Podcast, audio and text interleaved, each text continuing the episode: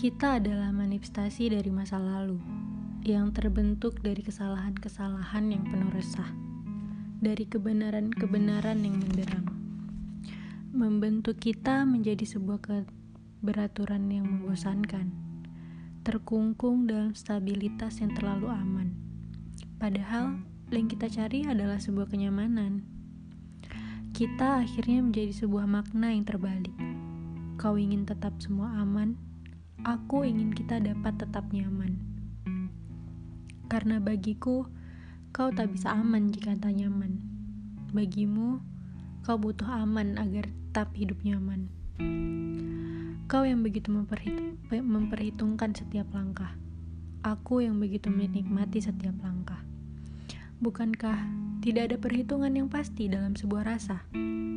Hubungan kita bukanlah ilmu pasti, yang selalu dapat kau atur agar mendapatkan persamaan yang selalu kau inginkan.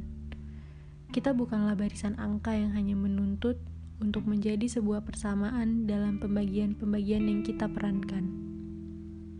Kita adalah barisan kekacauan yang indah yang justru dapat membentuk sajak-sajak penuh makna yang bersembunyi.